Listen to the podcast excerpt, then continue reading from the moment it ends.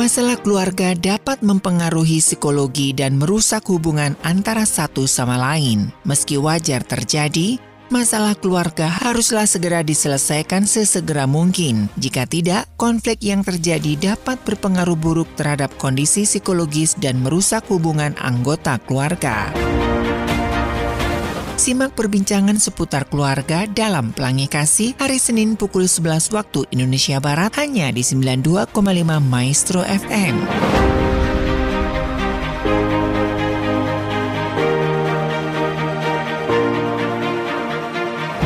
92,5 Maestro FM House with the Sound. Shalom dan apa kabar Sobat Maestro? Kembali program Pelangi Kasih hadir menemani Anda ya Di awal minggu yang baru ini ya Dan masih terasa di bulan yang baru ya. Senin tanggal 6 Maret 2023 Dan bagi Sobat Maestro mungkin ada pertanyaan-pertanyaan Atau mungkin juga ada topik-topik yang ingin Anda sampaikan ya Agar kita bahas di program Pelangi Kasih khususnya permasalahan anak boleh, masalah keluarga juga boleh ya agar semakin memperkaya kita dan juga bisa dipersiapkan lebih matang lagi oleh rekan-rekan dari Rumah Konseling Parahyangan Bandung. Saya sudah bersama Ibu Endang, konselor dari Rumah Konseling Parahyangan Bandung yang sudah hampir berapa bulan Bu ya nggak ketemu ya Bu ya. Apa kabar Bu? Bu Endang? Baik, Baik, puji Tuhan Pak Ari. Ya, shalom juga Sobat Maestro. Senang ya bisa belajar kembali bersama hari ini. Betul, betul. Saya kira Bu Endang sudah menjadi warga negara Jerman ya Bu ya. kita ke, Sudah comeback Pak. kita kehilangan loh Bu, cukup lama nih ya. Oke. Okay. Okay. Iya, kalau sudah uh, dengar suaranya Ibu Endang ini sangat familiar banget dengan masalah anak-anak nih Bu. Nah hari ini apa Bu Endang yang akan kita diskusikan bersama Bu Endang? Ya, hari ini kita mau uh, membahas tentang merawat luka batin anak. Hmm. Ya. Oke. Okay. Emang anak-anak bisa terluka ya, Bu ya? Bukan hanya suami istri dan orang tua aja, Bu. Bukannya anak-anak nah, itu, itu kayaknya dia. free feel gitu, Bu.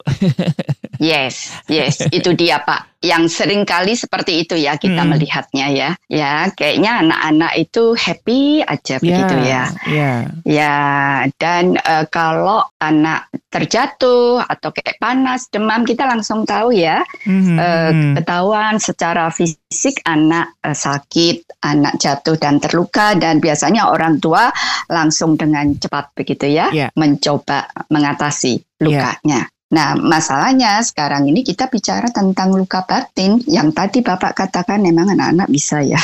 ya, karena uh, kita ini kan hidup di dunia yang nggak sempurna ya Pak. Iya. Ya, jadi bukan hanya orang dewasa, anak-anak juga begitu ya. Nah, sebenarnya apa sih yang kita perlu pahami ya? Apa itu yang dimaksud luka batin? Luka batin iya. jadi, jadi luka batin ini adalah pengalaman yang sangat mengganggu atau menyedihkan sehingga itu melukai perasaan hmm. atau batin.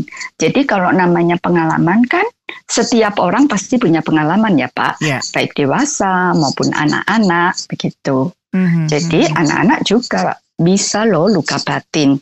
Nah menarik untuk itu kita mau cari tahu yeah. maksudnya gimana gitu loh. Sesuatu yang cukup abstrak tapi dampaknya ini sangat kelihatan ya Bu ya. Bisa jadi saat anak itu tumbuh, bisa jadi muncul nanti ketika remaja atau bahkan sudah dewasa gitu Kak Bu atau seperti apa ini Bu? Iya, betul banget Pak. Jadi sekali lagi kayak tadi ya, luka fisik bisa kelihatan mm -hmm. tapi batin mm -hmm. tidak. Artinya dia ada, tapi keberadaannya sering kali tidak disadari. Hmm. Ya, apalagi kalau itu tersimpan lama begitu dan yes. itu akhirnya masuk di bawah alam sadar kita. Hmm. Ya, hmm. hmm, hmm. jadi Apalagi kalau itu terjadinya di masa kanak-kanak, karena oh, iya. begini seperti tadi yang Pak Ari katakan, mm -hmm. seorang ahli perkembangan anak ya, uh, mungkin kita kenal itu Yase, mm -hmm. mengatakan bahwa anak-anak di bawah usia 12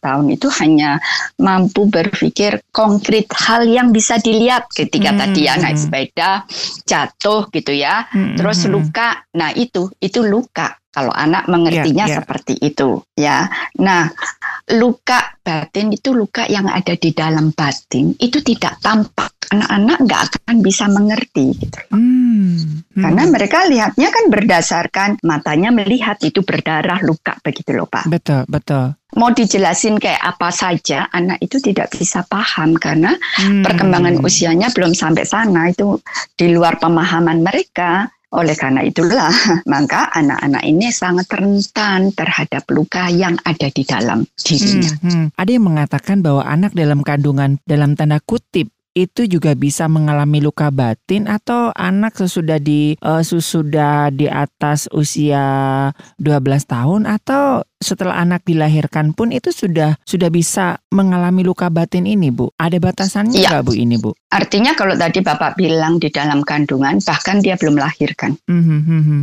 Ya bahkan belum lahir pun pengalaman apa ya? Di karena itu kan ya. apa yang apa yang dialami ibu saat hamil Hmm, hmm. ya itu secara logika kita nggak bisa memahami tapi itu eh, sudah mempengaruhi janin Hmm, juga. Oke, ya. Ya, ya. nah tidak kelihatan tapi nanti gitu loh pak Hmm. Nanti setelah dewasa lah bayangin gitu ya. Sudah dewasa itu berapa jenis atau berapa banyak pengalaman yang sudah dilewati. Hmm. Oke. Ya, kalau tadi dikatakan luka batin itu pengalaman yang mengganggu. Nah, berapa banyak yang sudah mengganggu, ditekan, dihindari. Biasanya nanti setelah dewasa baru ketahuan dampak daripada luka yang tidak pernah diobati, tidak pernah Hmm. dipulihkan. namanya orang tua kan nggak ada satupun orang tua yang kepingin melukai anak.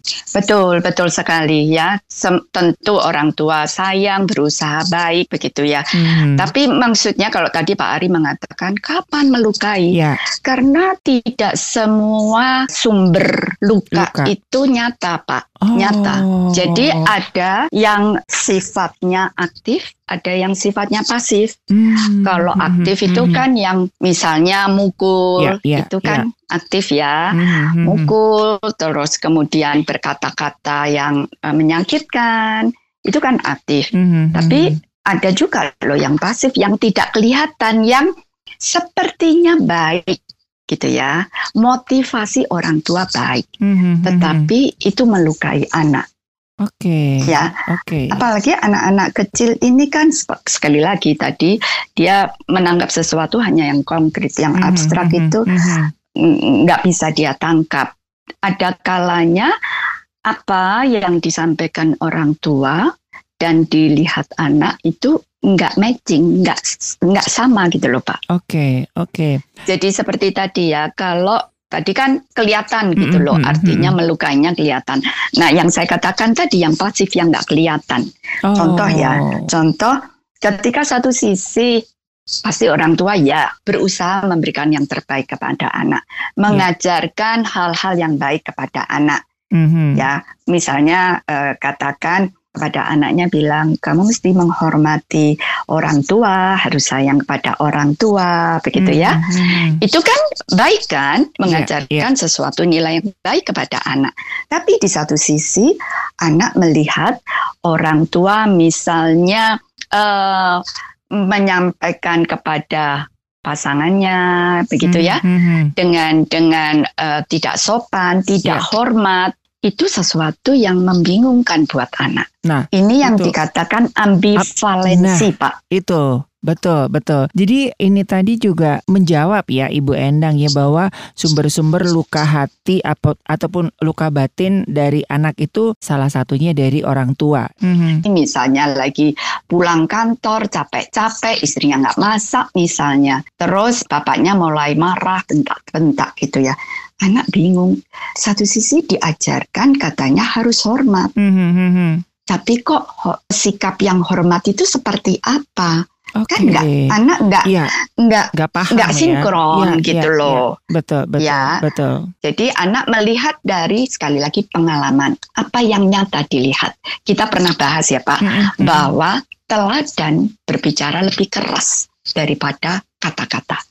Daripada apa yang kita ajarkan. Betul. Itu yang diserap oleh anak. Betul. Dan itu tanpa kita sadari Hmm. itu menimbulkan luka buat anak. Iya. Tapi anak kecil itu kan nggak tahu kan. Hmm. Akhirnya apa? Ya sudah disimpan saja Oke. ya disimpan itu ketika kecil mungkin usianya berapa enam tahun nanti umur berapa lagi simpan lagi karena dia nggak tahu caranya gimana Hmm. Gitu loh. Iya, jadi sikap ambivalensi ini memang lebih rentan dialami oleh anak-anak kah Bu? Atau bisa jadi orang dewasa pun bisa masuk dalam zona ambivalensi ini Bu? bisa juga ya Bisa kalau juga ya. kalau maksudnya dari kecil dan itu tidak pernah diatasi begitu loh Hmm, iya, iya, ya karena karena begini pada dasarnya eh, ada kecenderungan seseorang itu mengulang apa Hmm. pola yang terjadi ketika masih kecil sekali lagi itu karena iya, di iya. di bawah alam Iya, sadarnya iya. Jadi sikap ambivalensi itu di satu sisi dia kepingin menghormati orang tuanya, di satu sisi dia benci dengan orang tuanya itu kan bingung ya Bu ya. Benci tapi rindu, rindu tapi benci lah gitu lah Bu ya. Yang kata Nah. lagi anak zaman sekarang gitu ya Bu ya. Nah, ya, ya. Nah, itu tadi yang yang orang tua tidak sadar yang Tidak tadi sadar. mengatakan kap. Ya, kapan aku Mm, mm, melukai? mm, mm, mm. Begitu loh. Iya.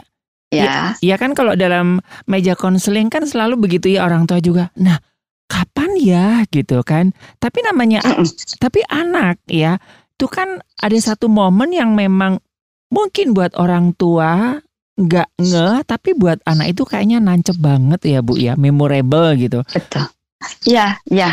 Betul banget. Ke- Hmm. Di dalam ketidaktahuan anak, di dalam kepolosannya, itu yang ditangkap Hmm, oleh hmm, anak. hmm, hmm. Itu Oke, salah satu salah sisi ya, Pak ya. Iya, iya. Ambivalensi. Mm-mm. Nah, kira-kira apa saja sih Sumber-sumber ya. luka batin anak? Iya. Tadi eh, yang Pak Ari singgung di depan juga, ketika eh, ada penolakan di dalam kandungan, Hmm. mungkin orang tua tidak siap ketika iya. hamil, Iya, iya. ya itu tanpa sadar juga anak merasakan luka itu sudah Mhm, juga mhm, terjadi mhm, sebenarnya mhm. ketika dia sudah lahir dan bertumbuh dewasa dibeda-bedakan dengan sa- saudara kandung Mhm. ya atau dengan temannya dibandingkan dengan teman itu juga hal-hal yang bisa melukai anak Betul, betul. Di- di- diabaikan oleh orang tua Mhm. tadi kemudian mengalami ya jadi ada yang fisik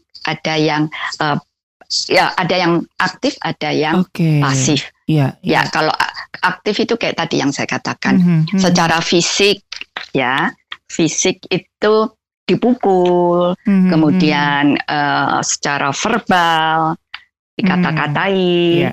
itu itu hal-hal yang aktif betul, ya. betul, betul. kemudian misalnya dibully ada pelecehan Hmm. seksual itu hal-hal yang aktif bahkan ada mungkin kalau ini yang yang jarang dipahami Iya. adalah ada namanya yang eh, incest secara emosi Oh, seperti apa itu, Bu? satu sisi misalnya gini satu orang tua katakan ibu ya biasanya Mhm, mhm. ibu dekat dengan anak putrinya Oh, begitu ya. Iya. terus karena nggak didengerin oleh ayahnya ya banyak ngobrol sama putrinya begitu loh Hmm, mhm. ya Iya, iya. Di satu sisi anak itu kebingungan kan Pak. Satu sisi dia sayang kepada kedua orang tuanya, dia menghormati ayahnya. Satu sisi Oke. ibunya ini kayak membutuhkan perhatian si anak. Hmm, hmm, hmm, hmm. Betul, betul. ini betul. ini yang jarang dipahami ya. Iya. Tapi itu bisa menjadi sumber luka loh buat anak. Betul. Bahkan ini juga urutan kelahiran anak itu juga bisa menjadi sumber luka, Bu. Kemarin saya ngobrol-ngobrol ya dengan beberapa pakar anak. Ternyata bagi orang tua kalau mempunyai anak tiga, perhatikan anak yang tengah, Bu, katanya, Bu. Itu Kenapa Pak? rata-rata anak yang nomor dua itu anak yang terabaikan. Dari Hmm. dari fakta bu. Jadi kalau anak yang nomor satu kan wah ditunggu-tunggu kan kedatangannya Mm-mm. gitu kan. Terus Mm-mm. Habis gitu Hmm. anak kedua ah biasa aja. Terus Hmm, lahir hmm. anak yang ketiga tuh. Waduh, dapat mainan baru kan? Anak Hmm, yang nomor hmm. tiga diperhatikan sementara anak yang nomor dua diabaikan lagi gitu. Jadi uh, ada fakta bahwa anak nomor satu itu albumnya itu bertumpuk-tumpuk. Anak nomor dua biasa, sedang-sedang aja. Anak nomor tiga melebihi album foto-fotonya dari anak nomor satu gitu. Nah ini yang Hmm. jarang diperhatikan oleh orang tua bu dan itu memang dari fakta dari beberapa survei emang orang tua harus berhati-hati ketika mempunyai anak tiga gitu ya. Tolong perhatikan anak yang kedua nih gitu anak transisi gitu ya. Nah Ya, ya. menurut ibu Enda gimana? Ibu Endang ini punya tiga anak nih. Betul Pak, betul betul.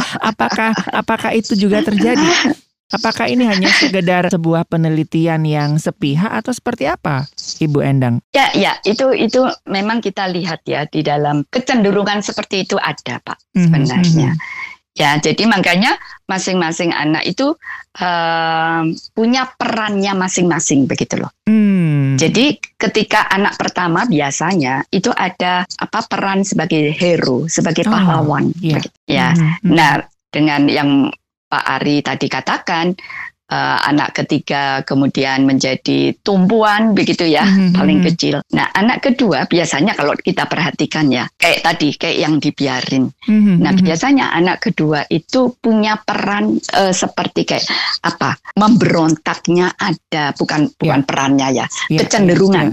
iya, iya. Kecenderungan, tapi anak kedua biasanya jadi lebih berani dan biasanya jadi kayak kambing hitam gitu loh, Pak. Mm, mm, mm, betul. Itu memang juga artinya kecenderungannya seperti itu.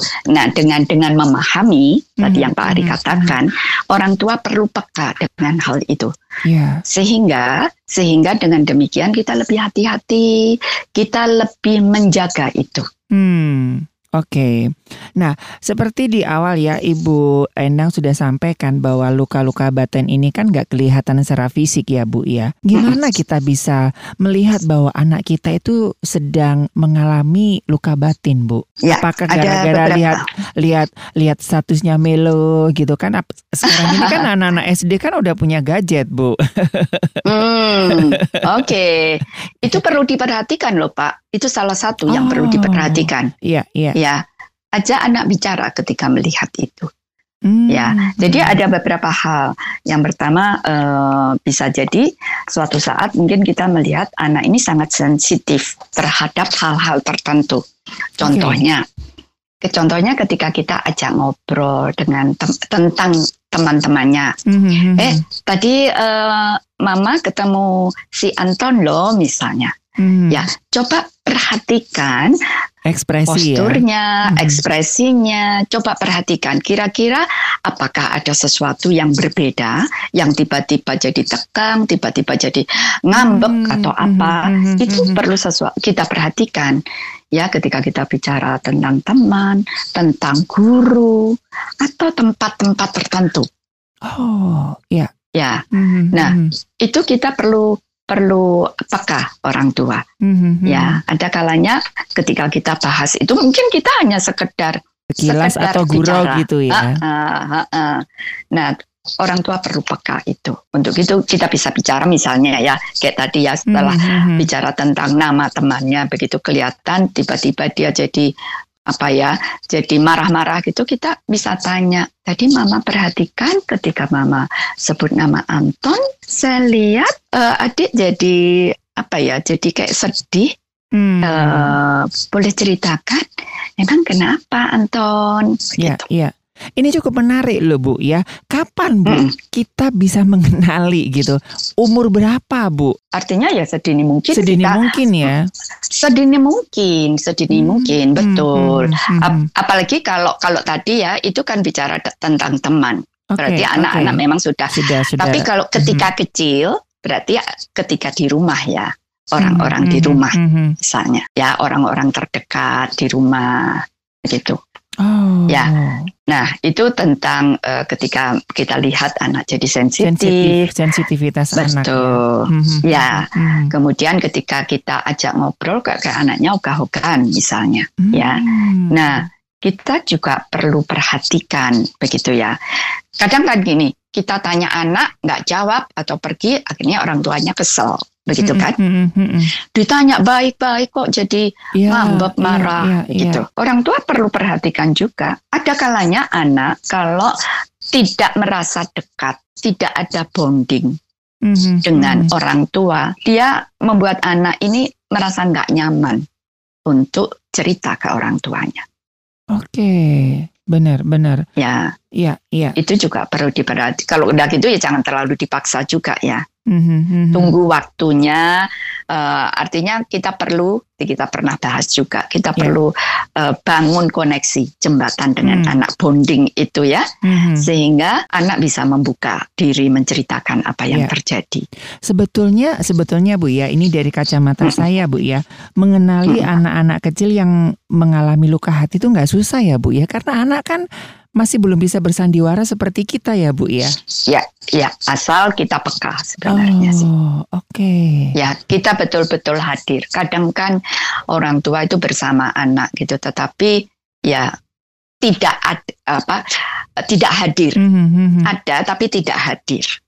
Oke. Nangkep ya Pak, misalnya Iya, kayak iya, pandemi iya, ini yang betul, kemarin ya sempat kita ber, tiap hari di rumah dengan anak, tapi kita nggak hadir di Mhm, situ sehingga kita nggak tahu apa yang terjadi. Oke, jadi ini penting ya Sobat Maestro ya dari sensitivitas anak ya Ataupun juga dari ekspresi, ketakutan Ataupun ada hal-hal lain Itu jangan dianggap sesuatu yang Ah kamu teh gini-gini Pasti coba ditelusuri Pekalah sedikit gitu kan Namanya anak Ya, Ini betul. pasti ada sesuatu yang dirasa nggak nyaman dalam batin anak Dan anak kan nggak bisa mengungkapkan itu perasaan apa Bu ya Nah itu dia betul. Betul, betul. Heeh. Ya, nah itu kita bisa pakai kalau anak dunianya anak kan main ya Pak ya. Mm, mm, mm, mm. Kita bisa pakai sarana bermain dengan anak juga dengan Hmm. kemudian eh, mengajarkan dari kecil eh, menamai emosinya, menamai perasaannya. Oh, iya iya, Ibu Endang Ya. sempat bikin yang itu ya eh, emoticon emoticon itu ya. Ya, betul, Oke, betul. oke. Heeh. kita misalnya banyak kartu gitu, Hmm, terus hmm, ajak hmm, main. Kira-kira dengan gambar ini mana sih yang yang kamu rasakan? Hmm. Kamu ngerasa kayak apa? Kayak gitu loh. Mm, mm, mm, mm, mm. Ya, nanti bisa dibantu anak misalnya lagi ada smile begitu. Oh, kalau seneng kan biasanya oke lah gini mengerti aja. Tapi Mhm, kalau mhm. yang negatif itu sering kali yang mengganggu kan, Oke. ya. Misalnya ketika gambarnya itu nangis gitu. Mm. Oh, kamu lagi sedih.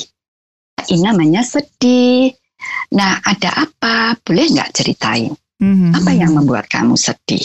Mhm, mhm. ya anak perlu dikenalkan sih Bu nama-nama emosi ya ketika anak dikenalkan dari kecil dia belajar ya untuk untuk mengerti apa yang terjadi karena banyak loh seperti Pak Ari tadi katakan Mhm. orang sampai dewasa sendiri kadang nggak ngerti dia itu Iya. ngerasa apa gitu Iya, loh iya, iya. nah itu perlu dilatih sih dari Mhm, kecil mhm, mhm.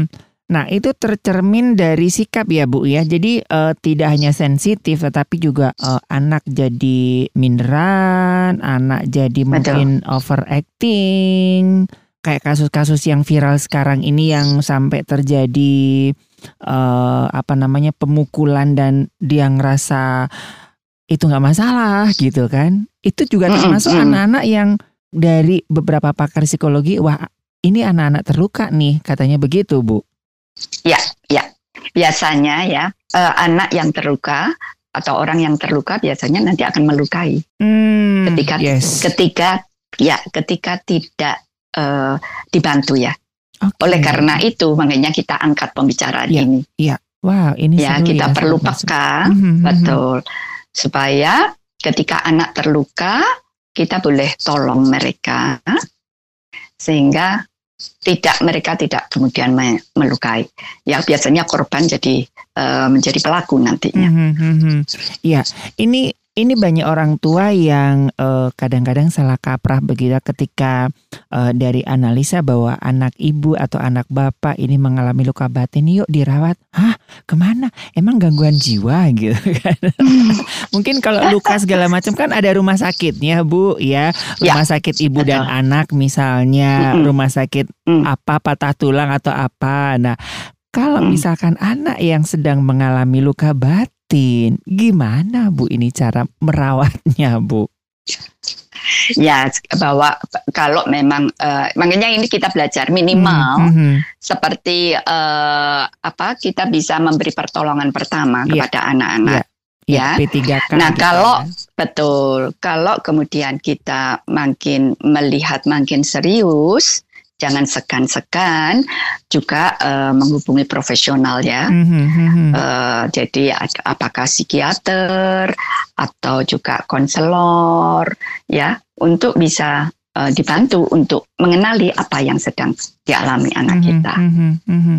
Oke, nah untuk pertolongan pertama Bu buat orang tua sebelum lari ke psikiater atau ke psikolog atau ke konselor, Bu, apa yang di, bisa dilakukan oleh orang tuanya? Tapi rata-rata orang ya. tua juga nggak mau disalahin ya Bu ya. Mohon maaf loh Bu. ya karena sekali lagi orang tua juga masalahnya tidak sadar tidak, Pak. Oke, okay, betul. Tidak menyadari yang dilihat anaknya fine-fine aja. Hmm. Ya, ya, jadi kalau memang kita nggak sadar, bagaimana kita bertindak sesuatu kan? Oke. Okay. Mm-hmm. Ya, mm-hmm. jadi itu. Jadi kita nggak bisa menyalahkan ya, juga. Ya. ya. Tapi perlu bersama-sama kira-kira sama-sama cari tahu lah. Kalau kita uh, saling cari kambing hitam yang salah siapa nggak akan betul sembuh-sembuh ya, nggak akan teratasi. Betul. Makin parah nantinya ya karena saling sana sini. Oke, nah apa yang harus dilakukan uh, orang tua ya Bu? Ya. ya ini harusnya orang tua ya, bukan anak ya Bu ya, bukan anaknya ya Orang Bu, ya? tua. Ya? Betul, okay, betul, betul. Okay. Kalau ini masih dalam kanak-kanak yang tadi ya, kira-kira di bawah mm -hmm. uh, usia 12 tahun, yeah. itu perlu memang orang tua, orang tua. atau okay. orang yang mendampingi, yang mm -hmm. mengasuh mm -hmm. anak ya. Mm -hmm. okay. Nah, paling tidak berdialoglah dengan anak ya untuk tadi ya menemukan ketika tadi ya melihat ada anak jadi sensitif, nggak mau ngomong, mm-hmm. kemudian mm-hmm. emosinya mungkin nggak stabil yeah. gitu ya. Biasanya ini apa seneng kok tiba-tiba yeah. ini sedih gitu. Mm-hmm. Itu mm-hmm. orang tua juga perlu peka. Yeah. Ya, jadi kemudian anak sulit belajar. Oh. nggak konsentrasi begitu atau bahkan itu loh pak main gadget terlalu hmm, uh, hmm, sering hmm. di situ artinya tanpa sadar ini ya kalau uh, sedikit kalau anak kemudian adiksi. Adiksi itu biasanya mereka anak itu melarikan diri dari rasa sakitnya untuk mengatasi oh, karena iya, dia nggak iya, tahu. Betul, betul. Ya tadi betul, betul. dengan bermain gadget supaya dia nggak merasa sakitnya gitu loh. Hmm. Tapi itu kan cara yang tidak sehat sebenarnya kan. Betul, betul. Bukan berarti tidak sedih, pasti ada iya, awal ya, sedih. Ya, ya. Nah, nggak tahu cara ini, ini ya Bu ya, cara betul, cara betul sekali. Solusinya seperti apa gitu ya. ya. Hmm. Nah, itu anak remaja artinya kan berbagai pengalaman yang melukai yang dia uh, alami kan.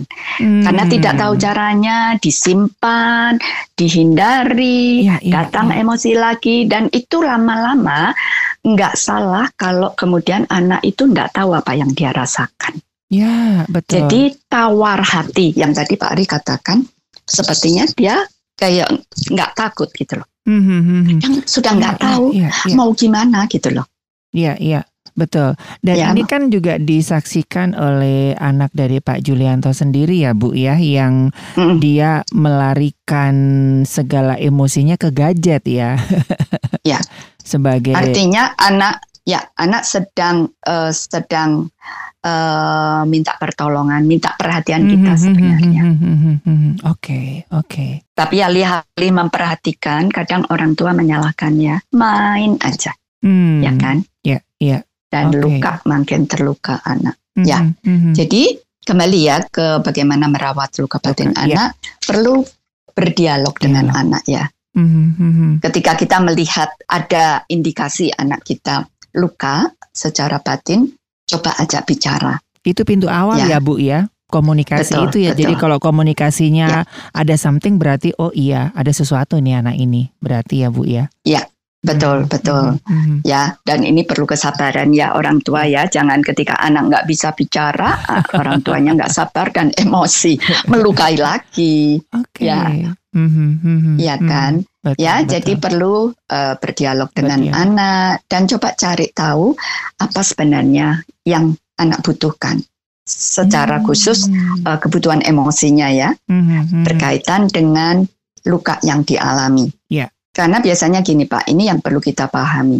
Ketika muncul emosi negatif, di balik itu itu uh, ada uh, kebutuhan yang tidak terpenuhi sebenarnya. Kebutuhan Iya, iya, kebutuhan iya. emosi, ya Emosi. khususnya Iya, ya. Iya, Betul. betul. Betul. Ini bukan Ya. bukan masalah eh, kebutuhan finansial dan sebagainya ya, karena memang luka hati ini kan urusannya memang lebih banyak ke emosi ya, Bu ya. Ya, kadang kalau eh, kebutuhan yang fisik semua teratasi, Ya, ya. orang tidak menjamin eh, orang atau anak happy kan? Mhm, mhm. Gitu betul, loh. betul. ya, betul. jadi perlu dipahami itu. Ya.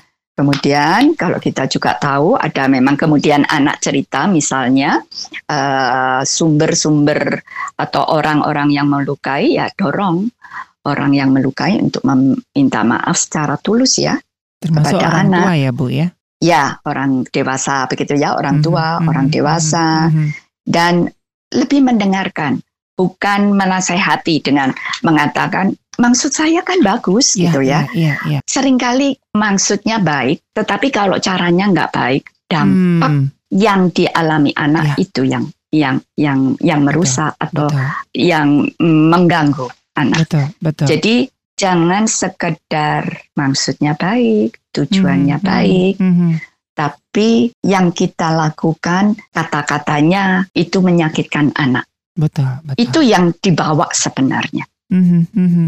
Ya, jadi dampak orang tua atau dewasa, orang dewasa termasuk guru misalnya ya, Hmm. pikirkan dampak yang akan diperoleh anak. Iya. Terhadap sikap orang tua atau orang dewasa. Jadi bukan mencari tahu maksudnya atau motivasinya baik ya, Mhm, bukan mhm, itu. mhm, mhm, Tapi mhm. apa yang dibawa begitu loh. Oke. yang dirasakan, yang ditangkap oleh anak itu yang melukai. Mhm, mhm. Setelah dialog, Ya, memberikan dorongan ya untuk minta maaf ya siapa pun itu ya. betul. Mhm. Nah, yang berikutnya adalah kalau memang ikatan batinnya dulu mungkin orang tua nggak Ah, tahu, mhm, zaman mhm. dulu kan Mhm. pembelajaran Ya, kayak gini jarang ya Pak ya. Nggak ada bu. Iya, betul nggak ada. ya, tapi nggak nggak ada kata terlambat Yes. sebenarnya. Ya, bangun ulang rebonding ya dengan anak. Caranya melalui memahami bahasa Mhm, kasih ya. mhm, mhm. dan kita bisa uh, pakai itu membangun bonding dan itu namanya membangun bonding itu seumur hidup kok pak ya Oh, jadi tidak ada kata terlambat betul, ya betul. contohnya saja kemarin saya pergi lama itu bukan sekedar untuk jalan-jalan Mhm, salah mhm. satunya untuk terus merawat ikatan dengan anak sekalipun sudah besar Ya, begitu ya itu Mhm, perlu mhm. perlu itu terus dijaga juga Betul, betul. Oke. Ya. Mhm. Nah, kemudian yang keempat adalah menjadi pendengar yang baik bagi anak, ya. Hmm. Melatih anak untuk eh, berani menyampaikan pikirannya, apa yang dipikirkan, apa yang dirasakan. Nah, ketika anak eh, terlatih ya untuk berani menyampaikan eh, pemikirannya, perasaannya, untuk ke depannya anak jadi tidak mudah stres begitu loh. Ya. Ya, yang sering kali stres itu kan pikiran perasaannya diendap sendiri, Mhm, mhm, disimpan, diendapkan sendiri gitu. Betul, betul. Ini pekerjaan yang paling susah ya buat orang tua dengerin anak ngomong. Iya, iya, mendengarkan ya dengan aktif. Ya, Mhm. mendengarkan itu kadang bukan sekedar suara Yes. saja loh, Pak. Betul, betul. Tapi betul. ekspresi, nada, suara itu juga aktif listening lah ya, mendengarkan Hmm, dengan hmm. hadir Betul, apa betul. yang uh, anak sampaikan. Ya, itu tadi sudah beberapa hal yang bisa eh, dilakukan ya sebagai pertolongan pertama. Nah, ini juga yang penting, Bu, sikap orang tua ya. Mungkin ya itu tadi mendengarkan tapi ya sambil naon gitu kan. Itu penting. Hmm. Penting nggak Bu sih sikap-sikap sendiri dari orang tua ketika mendapatkan anak yang dalam mendampingi anak ini, Bu? Penting sekali sih Pak, penting sekali ya. Misalnya eh, anak mau bicara begitu ya, eh, sedangkan orang tuanya sedang apalagi mungkin chattingan sama teman atau lagi di komputer. Hmm. Tapi ketika anak tiba-tiba, Mama aku mau cerita, coba kita juga perlu loh menunjukkan kepeduliannya. Letakkan handphonenya Oh. atau ketika kerja masak atau apa, oke, anak akan diang- merasa oh aku penting, aku didengarkan. Hmm. Atau kalau Ya. nggak dikasih kesepakatan ya Bu ya, Eh, dikasih waktu udah menit ya. Mama selesaikan ini dulu, habis gitu kita ngomong ya Bu ya. Ini kan Betul, betul. skill yang jarang dilatih oleh orang tua. Yang taunya kan, Ya, apaan sih mama lagi repot ah, ganggu aja. ya. ya, atau kadang-kala kita sambil ketik-ketik ya kalau Mhm, lagi mhm, kerja ya. mhm. Oke, ngomong aja, Mama denger kok. Oke. Nah, Memang kita bisa dengar benar Ya. karena kepedulian itu bukan saja kita oke saya dengar, tapi penting loh Pak untuk menatap mata anak juga. Oh, ya. Itu ya. penting sekali Mhm, mhm. ya. Jadi anak betul-betul merasakan orang tua hadir. Betul, Ya, betul. Kemudian juga eh, cakap berempati artinya memahami apa yang dirasakan oleh anak itu juga Hmm. penting. Misalnya ketika anak ya lagi sedih, Sedih, karena ya, tadi ya. dimarahi marahi guru misalnya ya karena nggak buat PR gitu ya. Terus ketika anak cerita misalnya malah disalah-salahin gitu. Mhm, Iya kamu sih kenapa nggak buat PR? Oke. ya, Tapi perlu didengarkan. Oh kamu sedih ya karena tadi dimarahi ya sama bapak guru gitu. Kira-kira apa yang bisa mama bantu? Hmm, itu kan hmm. anak eh, merasakan ya, dipahami ya. Iya. Eh, mama bisa mengerti sih kalau orang dimarahi pasti nggak enak ya. betul. itu anak betul. bisa, anak akan lebih leluasa pak untuk terus menceritakan ya. Hmm. Jadi nggak nggak dipotong begitu loh, nggak dipahami perasaannya. Ya, ya. Dan ini juga apa ya? eh, kalau bisa ini kan sesuatu yang private ya, Bu ya, bagi anak Bu ya. Dan ini saya Ya. sering kali mendengarkan dan mendapatkan orang tua yang anaknya lagi sedih atau lagi galau malah dijadikan bahan guyonan gitu. Itu si Hmm. kakak lagi galau tuh. Tuh si kakak lagi dihukum tuh, nggak bikin PR tuh. Nah, ini kan sesuatu yang buat anak itu semakin terluka ya, Bu ya. Ya, Betul. aku ngomong ke mama Ya. kok si papa jadi tahu, si kakak jadi tahu, si adik jadi tahu gitu. Harusnya ketika Uh-uh. anak mengungkapkan sesuatu perasaannya itu harus dikip atau gimana Bu Betul. ini antara orang Iya tua memang harusnya orang begitu pak. Hmm, Iya. Kalau enggak anak enggak akan cerita lagi. Ya udahlah, aku nggak mau cerita lagi begitu. Anak oke. kan eh, menyam- untuk menyampaikan kalau yang sifatnya rahasia, sifatnya buat dia tentu Mhm, mhm. buat dia nggak gampang kan Ya, untuk ya, menyampaikan itu pasti udah memikirkan demikian rupa. Nah begitu cerita kemudian diomongin udah deh nggak mau lagi. Hmm, ya. Makanya tadi ini yang sumber luka tadi yang di Oke. atas. Mhm, Akhirnya mhm, anak mhm. nggak mau ngomong. Dan kayak tadi yang saya bilang ya, kita perlu mendengar itu juga ekspresinya, begitu loh. Hmm, mhm. Dengan melihat, makanya perlu juga melihat, menatap matanya, begitu. Oke, Ya. oke, ya. Nah, kemudian ketika anak menceritakan pengalamannya, orang tua perlu dengan dengan apa ya kesabaran menunggu sampai selesai, tidak mengkat, apalagi mengkritik. Hmm. Nah, gimana Bu ketika anak-anak mengungkapkan perasaan gitu kan? Orang Hmm. tua itu kan ya selalu pintar dan selalu benar gitu kan? Kayaknya gatal gitu kalau nggak kasih nasihat dan kritikan-kritikan gitu Bu. Apa yang mesti contoh konkretnya gitu Bu? Kan tadi ditanya, Mama lihat kamu sedih, Eh, bisa ceritakan kira-kira kenapa tadi? Hmm, hmm. Misalnya kemudian dia cerita, ya tadi aku lagi jalan tuh sama teman begitu Hmm, ya. hmm. Terus aku tadi nggak sengaja nyenggol dia misalnya Hmm. gitu, kesenggol lah gitu loh. Hmm, hmm. Terus dia marah, aku dipukul balik begitu loh. Ya, terus kan tadi mengatakan kayak Pak Ari bilang kan Iya, aku iya. sedih. Betul. Yang sedihnya kan yang perlu ditangkap. Oh, kamu sedih karena kamu tidak dipahami dan dipukul ya. Harusnya kan begitu. Hmm, Itu hmm, yang tadi. hmm. Cakap berempati. Nah, alih-alih dipahami malah dikritik. Lah Oke. kamu sih kenapa nggak hati-hati jalannya? Sudah dia bilang nggak sengaja kok Hmm, malah hmm, dikritik begitu.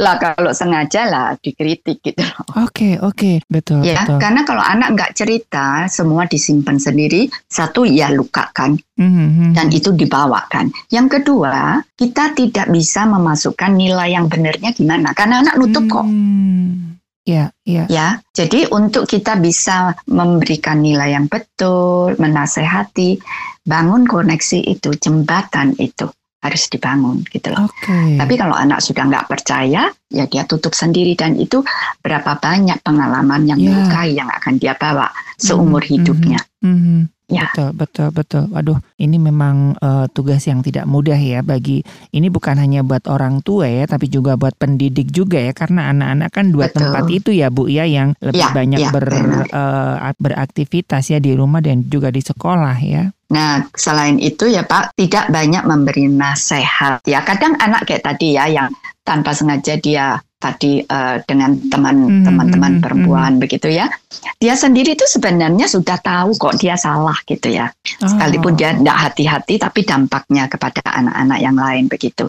Nah, kemudian dengan diberi nasihat itu makin membuat dia makin apa ya nggak nyaman kan gitu loh. hmm. Ya apalagi nasihatnya itu dengan disampaikan dengan dengan eh, nada tinggi Mhm, mhm. itu juga atau memberi solusi yang terlalu cepat. Artinya apa? Ajak anak lebih berpikir.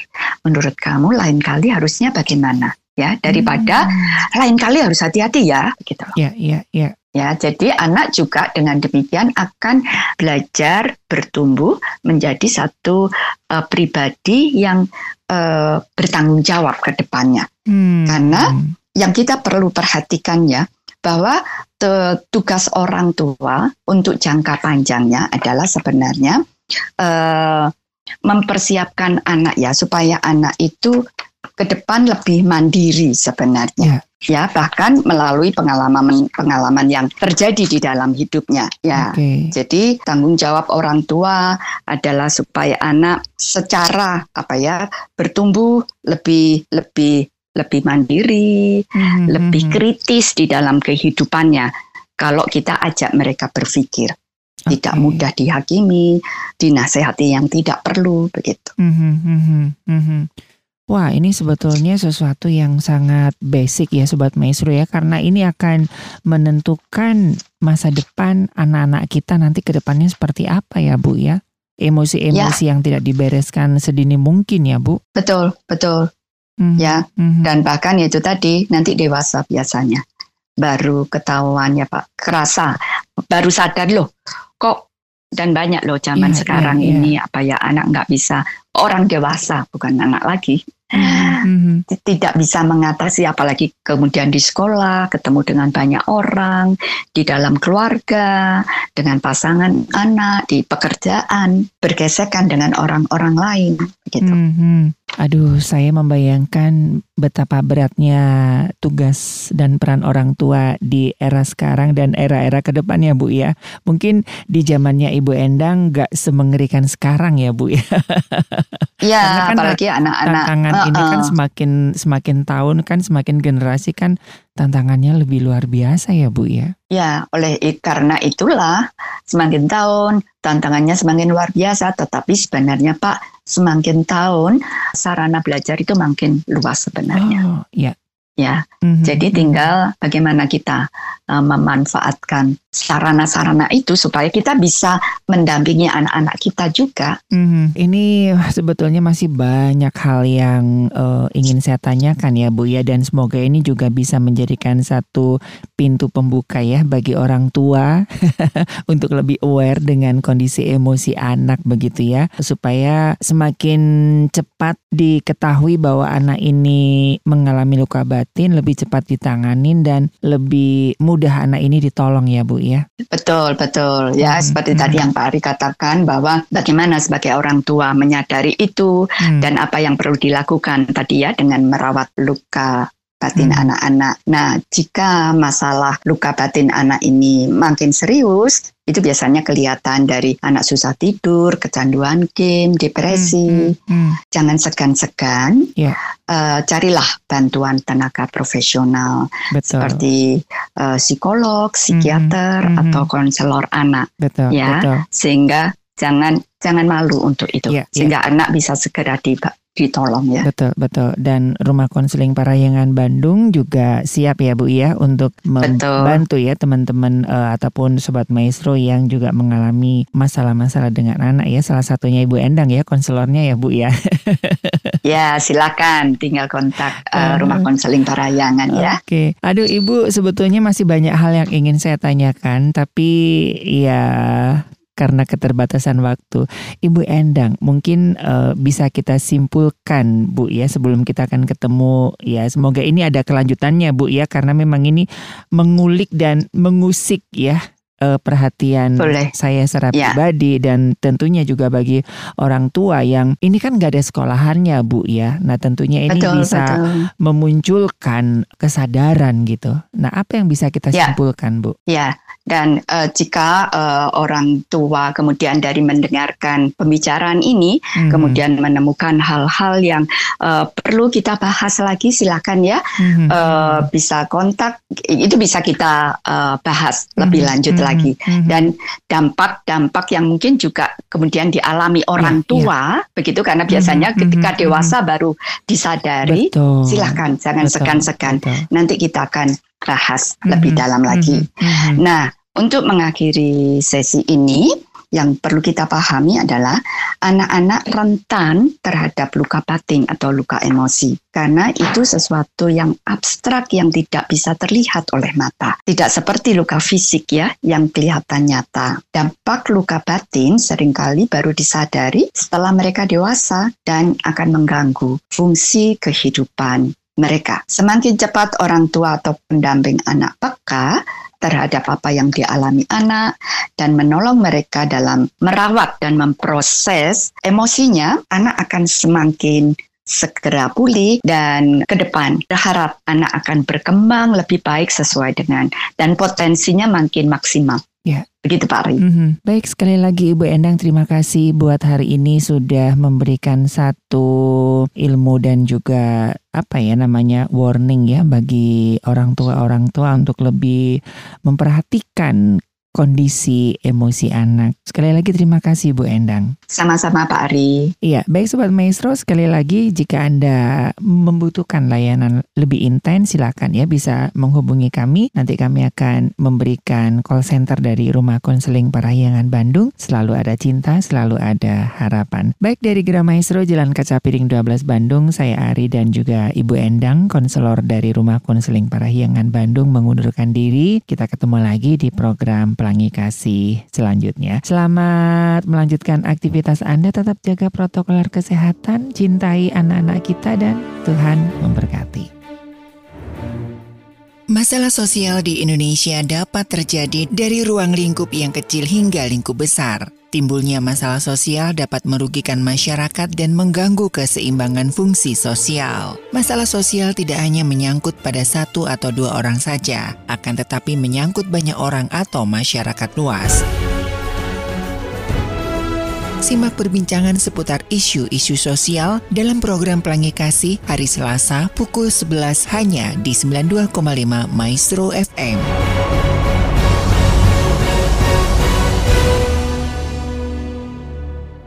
Je t'aime, te amo, ja ti bjalju blu. Ani jo hevet othka, I love you. The sounds are all as different as the lands from which they came. And though our words are all unique, our hearts are still the same.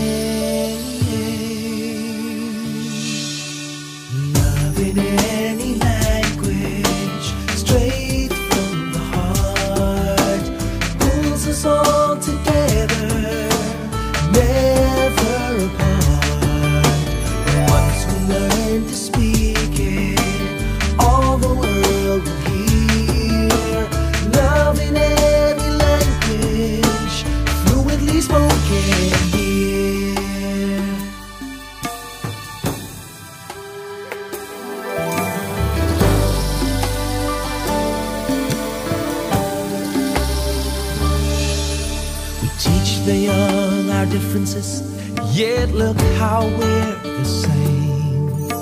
We learn to laugh, to dream our dreams, we know the sting of pain. From Leningrad to Lexington, the farmer loves his land. And daddies get all misty eyed when they give their daughters hand.